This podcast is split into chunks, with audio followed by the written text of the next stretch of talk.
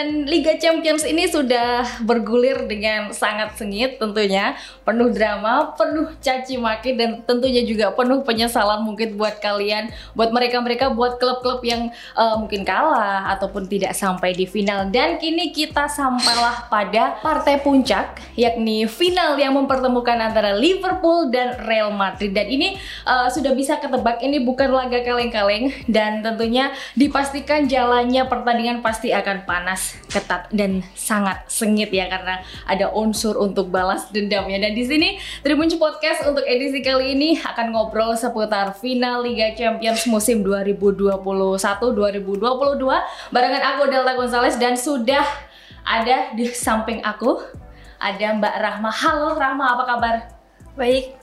Dan Rahma ini adalah Ninyas Madridista alias uh, cewek-cewek para pecinta Real Madrid yang ada di Solo ya. Oke, gimana nih uh, selama ini menjadi seorang Madridista?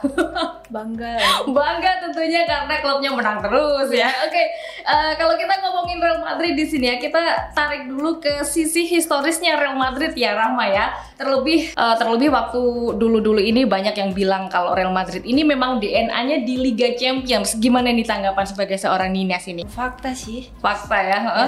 soalnya kan terbukti mm -hmm. di laga quarter final lawan yes. Chelsea itu mm -hmm. posisi ketinggalan mm -hmm. 0-3 mm -hmm. tapi dia masih optimis cetak mm -hmm. gol akhirnya kan dapat gol mm tandang tuh mm terus pas lawan City yes. pas posisi ketinggalan 2-0 mm agregatnya mm dia masih optimis Getol buat kejar gitu ya mm Terus di semifinal lawan City, padahal agregat kan udah ketinggalan dua gol tuh. Hmm. Tapi menit terakhir masih bisa stay optimis. Yes. Eh tadi DNA-nya Madrid ya di UCL. Hampir dibilang jarang sekali klub lain seperti itu kan. Mm -hmm. Apalagi kalau kita memang menarik dari sisi historisnya dari awal dulu uh, sempat menang Piala Eropa ya yeah. dari tahun 1955 dan itu beruntun lima kali tapi formatnya masih Piala Eropa dan yeah. banyak yang bilang mereka-mereka yang sirik ini ya uh, Real Madrid harusnya lima Piala Eropanya itu dihapuskan aja dari trofi Liga Champions karena uh, formatnya masih Piala Eropa dan belum memenuhi Liga Champions waktu itu buat mereka aja nih yang sirik terus uh, memang kalau aku lihat waktu lawan Chelsea waktu lawan Manchester City yang memang benar-benar uh, penonton sama fansnya tuh emosinya dikuras abis waktu itu aku nonton ya, yeah. udah alah Madrid ini udah nggak bisa apa-apa ini. Tapi ternyata malah comeback. Jadi yeah. bisa dibilang Real Madrid adalah klub si paling comeback gitu kan ya. Betul. Ya. Oke okay, uh, eh, Rama kita lihat perjalanan Real Madrid ya dari fase grup. Tadi kalau kita tadi Rama udah bilang dari quarter final ya. Yeah. kalau dari uh, fase grup ini ya mereka satu grup dengan Inter Milan dengan Sheriff Tiraspol dan juga Shakhtar Donetsk. Memang di sini Madrid tampaknya kalau lihat waktu pengundian itu uh, Madrid udah di atas angin ya, udah di atas angin, di atas kertas udah bisa lah daripada lawan Inter yang memang kuat di Liga Italia tapi uh, Madrid memang lebih di atasnya Inter waktu itu. Tapi waktu itu saat mereka uh, saat sampai di fase grup uh, pasti nyimak ya dari fase ya, grup kan Rahma ya. Madrid sempat kalah dari Sheriff Tiraspol 2-1. Gimana itu pendapatnya? Lawak banget sih. Iya, oh, lawak banget ya. memang kan Madrid diunggulkan ya di grup itu. Yeah. Salah satu klub yang diunggulkan. Mm -hmm. Dan fans juga pasti berpikir bakal menang mudah. Mm -hmm. Namun ternyata penampilan seri benar-benar impresif, mm -hmm. berani neken dan hasil mereka cetak satu gol duluan yes, uh. Dan kipernya pun saat itu sedang on fire. Mm -hmm. Nah, itu di sosmed udah dibully habis-habisan yes. sampai bertebaran meme Bener. Eh. keluar nanti bakal masuk WL nih ya kan masa klub unggulan gitu kan masa hmm. kalah sama klub debutan UCL baru pertama kali makanya itu dia lucu banget ya tapi akhirnya uh, Sheriff Tiraspol dendam Real Madrid dibalaskan oleh Inter ya. Yeah. Waktu itu Sheriff Tiraspol diganyang tiga gol waktu itu sama Inter ya. Thank you buat Interisti. Oke, okay, selanjutnya ini ya.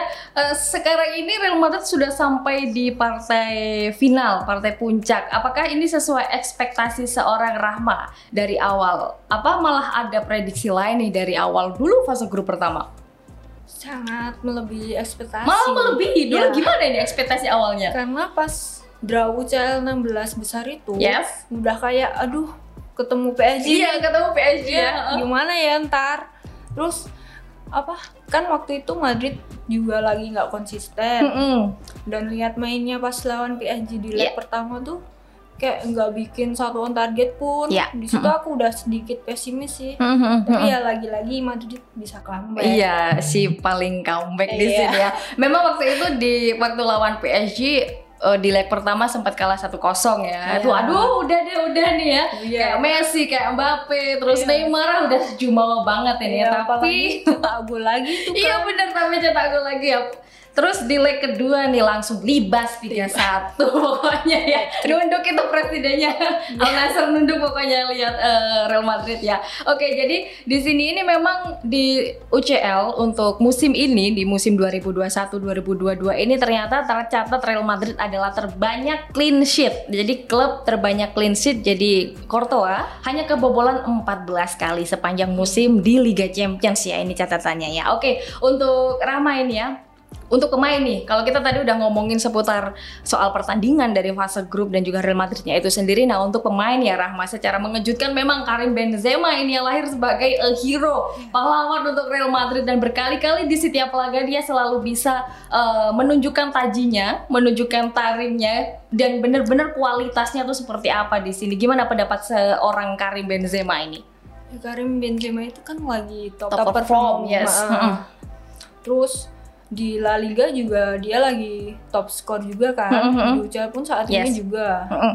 bener-bener gendong tim banget gitu nggak mau gimana jadinya Real Madrid tanpa dia musim ini mm -hmm. terus karena saat ini emang cuma Benzema doang tunjuk ombaknya dia. Mm -hmm, mm -hmm. Jadi aku inget dulu waktu Benzema saat masih ada Cristiano Ronaldo ingat yeah. waktu itu Benzema aduh udah kayak nggak ada masa depan gitu ya di Real Madrid ya kayak cuma jadi shadow striker aja shadow strikernya uh, siapa Cristiano Ronaldo kan waktu itu yang memang benar-benar tampil sangat impresif dan juga haus akan gol. Jadi untuk uh, era sekarang ini adalah eranya Benzema menurutku kalau orang mah gimana? Ya benar. Benzema, Benzema ya. Benzema. Walaupun juga udah ada Vini, udah ada Rodrigo juga dan uh, ya udah itu aja. Aku bersyukur banget karena Mbappe nggak jadi masuk ke sini ya. gimana banget itu. Ya, kalau kita ngomongin pemain ini gimana nih pendapat dari Rahma? Uh, milih Mbappe masuk ke Real Madrid atau nggak usah deh? Nggak usah aja. Kenapa itu? Gimana itu? Gimana ya? Kayak dia tuh PHP banget. Oh iya PHP ya. Kesannya kayak narik nama Madrid buat panjang kontrak biar apa kontraknya makin gede kan bayarannya. terbukti sekarang iya, dia jadi, jadi apa pemimpin PSG itu.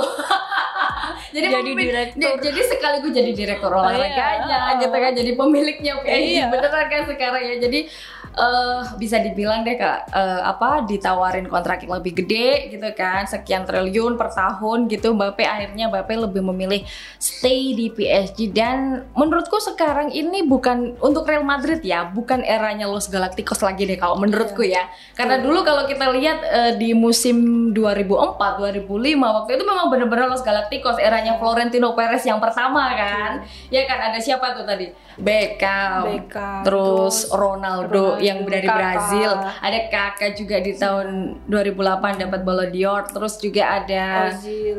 Uh, Ozil yang baru-baru ini, terus Zidane pula, hmm. Michael Salgado, Ivan Helguera, Iker Casillas. Aduh, banyak banget sampai dibilang Los Galacticos waktu itu. Tapi di musim itu meskipun bertabur bintang, meskipun banyak pemain dikit banget trofinya. Iya. iya kan? Mm-hmm. Aku sampai sakit hati waktu itu uh, berkali-kali El Clasico kan di era itu dan kalah juga beruntun tiga kosong. Pokoknya kalah kan. lima kosong juga astaga. Tapi mending sekarang permainan Real Madrid uh, lebih baik mereka apa ya kayak memelihara pemain muda aja nih ya. Yeah. Terus dibantu kayak Vini, Rodrigo, yeah. apalagi Kamavinga gitu kan. Uh, bener. Jadi dibantu aja untuk pemain-pemain mudanya agar bisa lebih berkarya, berkarya kayak kayak musisi aja nih agar lebih bisa memberikan kontribusi yang oke okay untuk Real Madrid ya. Oke. Okay. Untuk ramah ini tadi masih seputar Benzema dan ada ini untuk Liverpool versus Real Madrid ini ingat Rafael Benitez kan yeah. ya yang dulu pernah ngelatih Real Madrid juga uh. yang juga pernah ngelatih Liverpool Liverpool, Liverpool. yang mendapatkan trofi Liga Champions di tahun musim 2005 waktu Steven Gerrard masih ada di Real Madrid waktu itu. Dan katanya nih ya Rafael Benitez tuh ngomong karena sekarang melihat uh, apa melihat kualitas Real Madrid yang seperti ini ya Rafael Benitez tuh ngomong katanya uh, lini belakang Liverpool itu harus menaruh perhatian khusus atas serangan kualitas dari Benzema itu tadi dan juga kecepatan ada kecepatannya Vini dan juga ketajamannya Rodrigo. Menurut Rahma gimana nih antara Benzema, Vini, Rodrigo? Gimana pendapat tiga pemain itu? Ujung tombak sekali sih. kan dari sisi kiri ada yes, Vini yes. itu uh -uh. pasti ngoper ke Benzema. Benar benar. Benzema bisa lagi ke Rodrigo uh -uh. Rodrigo ke Benzema. Nah itu gacor sekali sih menurutku. Uh -uh, uh -uh. oke dan memang tiga orang ini memang benar-benar jadi ujung tombaknya Ancelotti kan ya. Jadi uh, aku salut banget sama Ancelotti yang manggil Pintus sebagai direktur olahraganya. Uh, jadi Pintus ini memperhatikan fisik pemain, bener-bener memperhatikan fisik pemain. Dulu kita lihat Benzema gendutnya seperti apa kan? Iya.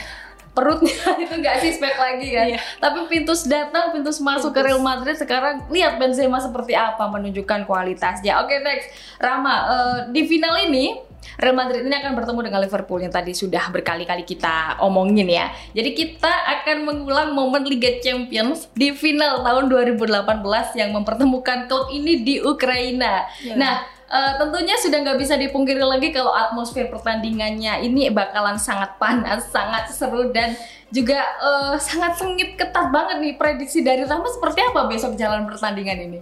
Ya sepertinya sih Liverpool sedikit lebih menguasai jalannya pertandingan. Oh ya. gitu ya. Uh, uh, tapi nanti Real Madrid bakal comeback.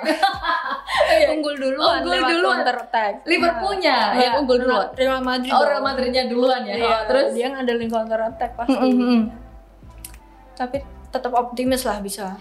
Iya optimis karena dari uh, udah kita singgung dari awal emang DNA-nya yeah. Real Madrid itu memang di Liga Champions ya. Oke, okay, jadi uh, just for your information ya Tribuners ya, di sini Real Madrid dan juga Liverpool ini pernah ketemu di final Liga Champions pula di tahun 1981 dan juga di tahun 2018 kemarin yang mana di tahun 2000 eh, di tahun 1981 ini Liverpool menang dan di tahun 2018 ini Real Madrid yang menang. Apakah di tahun 2022 ini bakalan kembali Liverpool yang menang? Nah, oh, jangan ya. Jangan dong. jangan ya. Iya jelas fansnya Real Madrid harus dukung Real Madrid pula kan ya di sini ya. Ya, dan tentunya kalau ngomongin skor ini di tahun 81 dulu tuh skornya Liverpool menang 1-0. Nah, kalau di uh, di tahun 2018 Madridnya menang 3-1. Nah, ini nih harapannya untuk fans dari Real Madrid. Jangan-jangan nih di tahun 2022 tuh agregat dari final-final yang kemarin itu jadi berapa dia? Uh, besok skornya kira-kira 3-2 aja ya. Enggak kayaknya tiga satu. Oh tiga satu malah dan sama kayak yang iya. sama kayak yang di final uh, 2018 ini ya. Waduh ini bakalan ngeri banget. Tiga satu tapi jangan di comeback ya jangan sampai ya nanti ngegolin duluan aja yes, ngegolin duluan aja terus nanti pasti ada ada pah, seorang pahlawan yang akan uh, memperbesar ketinggalannya hmm. Liverpool di sini tapi aku khawatir ini kan. Dulu di tahun 2018 klub ini uh, juga menghadapi Real Madrid tapi tentunya dengan kepelatihan yang berbeda. Hmm. takutnya ini klub udah tahu nih mainnya Real Madrid kayak apa. Ya Iya kan memang yeah. ya takutnya seperti itu. Tapi ternyata uh, kalau aku lihat permainan dari Zidane maupun dari Ancelotti uh, sedikit berbeda sih walaupun dulu Zidane juga pernah jadi asistennya Ancelotti waktu itu ya. Oke, okay, memang di sini syarat akan misi balas dendam ya Rahma ya untuk yeah. untuk Liverpool ini ya. Jadi kalau soal misi balas dendam takutnya ini memang benar-benar kebalas dendam kayak zamannya mm, AC Milan versus Liverpool yeah. di tahun 2005 comeback kena comeback ya walaupun dari lewat penalti yeah. tapi waktu itu Milan bisa membalaskan ketertinggalan di tahun 2007 gimana nih aduh jangan sampai ya jangan yeah. sampai karena ini bener-bener syarat akan gengsi banget untuk seorang Madridista pula yeah. kan ya jangan sampai meme bertebaran yeah. maupun di tempat kerja atau di kuliah nanti pasti dibully aduh jangan sampai ya oke okay, Rahma jadi kalau kita tadi udah udah banyak banget kita ngomongin Real Madrid, sekarang kita kan singgung sedikit soal Liverpool ya nih Tribuners ya. Jadi Liverpool ini sedang dalam kondisi on fire ya. Jadi dalam kondisi on fire-nya ini kita lihat uh, beberapa pekan ke belakang ini mereka berhasil mendapatkan trofi Carabao Cup dan juga Piala FA yang uh, udah berhasil mereka dapatkan ada dua piala dan sebelumnya juga mereka sempat digadang-gadang untuk menjadi juara Liga Inggris bersaing ketat dengan Manchester City tapi unfortunately ternyata nggak bisa mendapatkan itu ya karena City akhirnya menang walaupun Liverpool waktu itu juga menang tapi akhirnya trofi juga balik pula ke Etihad Stadium ya. Jadi di sini perebutan trofi Liga Champions ini akan menjadi ajang ambisi. Jadi Liverpool sangat berambisi banget untuk mendapatkan treble winners di uh, trofi terakhirnya Liga Champions. Gimana pendapatnya? sedikit was-was juga Iya, was-was ya. Ancelotti juga was-was gitu kan. Jangan sampai SMS Ancelotti ya. Sekuat Liverpool sekarang mm. kan itu kayak nggak main-main gitu dari yes. tim utama sampai cadangan pun mm -hmm. bisa diandelin mm -hmm. dan permainannya pun bagus. Iya. Yeah. Mm -hmm. Nggak bisa diremehin banget. Mereka juga pasti bakal ngegas dari menit pertama. Iya. Deg-degan sih takut Real Madrid kesusahan mm -hmm. tapi aku yakin Real Madrid apa bisa meredam permainan Liverpool. Iya. Kita punya trio MCK, mm -mm. Modric, Modric, Casemiro, Casemiro dan juga Kroos ya. di lini tengah kan. Optimis lah. Optimis ya, masih ya. optimis dengan trio MCK-nya dan juga ada Benzema, Vini maupun Rodrigo ya. ya.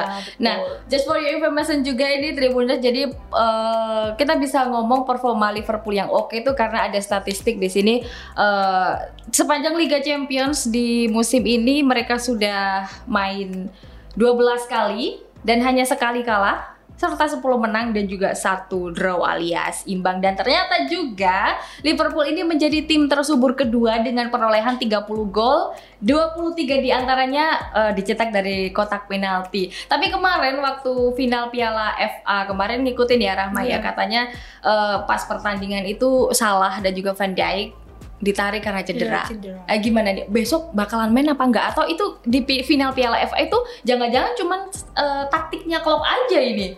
Enggak sih, kayaknya udah sembuh sih. Udah sembuh ya? ya? Pas permainan di IPL itu kan dimainin mm -hmm. ya permainan terakhir. Yang terakhir kemarin nah, ya. Kemungkinan yang absen besok tuh Thiago Alcantara. Iya, Alcantara memang lagi Fabinho. Fabinho, nah. oh, karena Alcantara memang lagi kena Achilles ya, tapi yeah. katanya sih masih sedikit fit dan nggak tahu nih besok bakalan main apa enggak Alcantara. Kalau Fabinho memang udah cedera beberapa pekan terakhir ini ya. Jadi untuk Liverpool mungkin gagal quadruple, tapi mungkin masih ada kesempatan untuk treble winner ya. Mungkin ini ya. Kita belum bisa mendeskripsikan atau memprediksi apa pun yang pasti Real Madrid kata Rama harus menang 3-1 ya hmm, untuk yakin. untuk prediksi skor ya yakin ya, ya di sini ya. Oke, okay. uh, eh, kalau tadi ngomong Rahma was-was gitu, aku sempat baca kemarin di beberapa artikel olahraga pula ini ya katanya Ancelotti juga was-was hmm. uh, melihat permainan Liverpool yang memang akhir-akhir ini kompeten banget di Liga Inggris. Jadi malahan Ancelotti tuh ngomong kalau besok itu permainan Real Madrid bakal lebih menyerang gitu kan ya. Tapi percaya nggak sih? Ini seorang pelatih langsung ngomong aja, pelat, uh, besok kita akan bermain uh, menyerang gitu dengan formasi andalannya 4-3-3 katanya kan. Dengan skema menyerang tentunya. Setuju nggak kalau besok skemanya menyerang aja daripada Setuju. bertahan ya? Setuju. Soalnya kalau bertahan tuh Real Madrid kayak kesusahan bakal diserang terus. Iya bener. Kewalahan. Mm -mm. Apalagi tahu itu blunder terus. Iya, bener tahu ya. Iya. Oh, bener yang mm. paling aman sih main nyerang sih. Main nyerang. Uh, Jadi kalau main bertahan itu bukan Real Madrid ya. Jangan sampai parkir bus pokoknya yeah. Real Madrid ya. Ya, uh, jadi uh, setelah kita ngomong banyak di sini udah ketahuan nih Rahma memang benar-benar seorang ninyas Madridista dari Solo ya. Ini kita mau ketahui sedikit nih ya, sejak kapan nih Rahma jadi ninyas ini? Dari kelas 2 SMP. 2 SMP itu tahun berapa? Tahun berapa ya? 2010 apa 2012 Heeh, tahun sekitar hmm. musim segitu ya. ya itu pas posisi Real Madrid dibantai sama Barca 5-0 waktu zamannya Jose Mourinho iya yes pas teman-teman pada fans Barca kan yeah, aku oh. inisiatif lah bedain sendiri okay, ya tahu mainstream ya tahunya keterusan sampai sekarang okay. sampai buci sampai buci sama Real Madrid ya iya. oke okay. tapi uh, udah bisa ketebak sekarang Barcelona juga uh, sedang dalam down. masa uh, down, sedang dalam masa uh, apa ya, adaptasi pula dengan Javier Hernandez, tapi juga cukup lumayan juga dengan Javier. Hernandez dengan legendanya sendiri ya. Oke, okay. uh, terus gimana nih bisa bergabung dengan Ninyas yang ada di Solo? Tentunya kan pas pertama kali suka kan nggak langsung tahu, oh ada ternyata ada, ada perkumpulan Ninyas di sini tuh gimana tuh? Itu pertama kali pas nobar El Clasico ya. Oke, okay, ada nobar uh, juga ya. Mm. Itu posisi kalah 3-0. Mm -hmm. Aku lagi nunggu jemputan nih. Iya. Yeah. Terus disamperin sama kakak Madridista Solo suruh gabung, yuk. Cowok apa cewek itu? Cowok. Oh, cowok. Uh, mm -hmm. Ya udah, dari situ aku gabung terus sampai sekarang. Sampai sekarang ya, ada gabung di di, di Ninya Madridista Solo itu sebenarnya ada komunitas yang seperti apa? Terus mereka ada apa ya? Ada kegiatan apa aja di situ? Bisa diceritain uh, mungkin? Di situ ada agenda fun football, mm -hmm, terus mm -hmm. kayak futsal mm -hmm. sama kadang dua bulan sekali ada event. Event. Gitu. Eventnya futsal, tetap futsal, futsal gitu ya. Football. Dan itu cewek-cewek juga cewek juga cewek semua ya itu Enggak, cewek cowok oh cewek cowok oh. ada uh, madridista uh, cewek ada madridista cowok nah, juga nanti dibikin internal kayak gitu mm -hmm. ya. untuk yang cewek juga banyak gitu yang gabung apa gimana lumayan sih itu yang cewek baru bentuk sih kalau football sama futsalnya.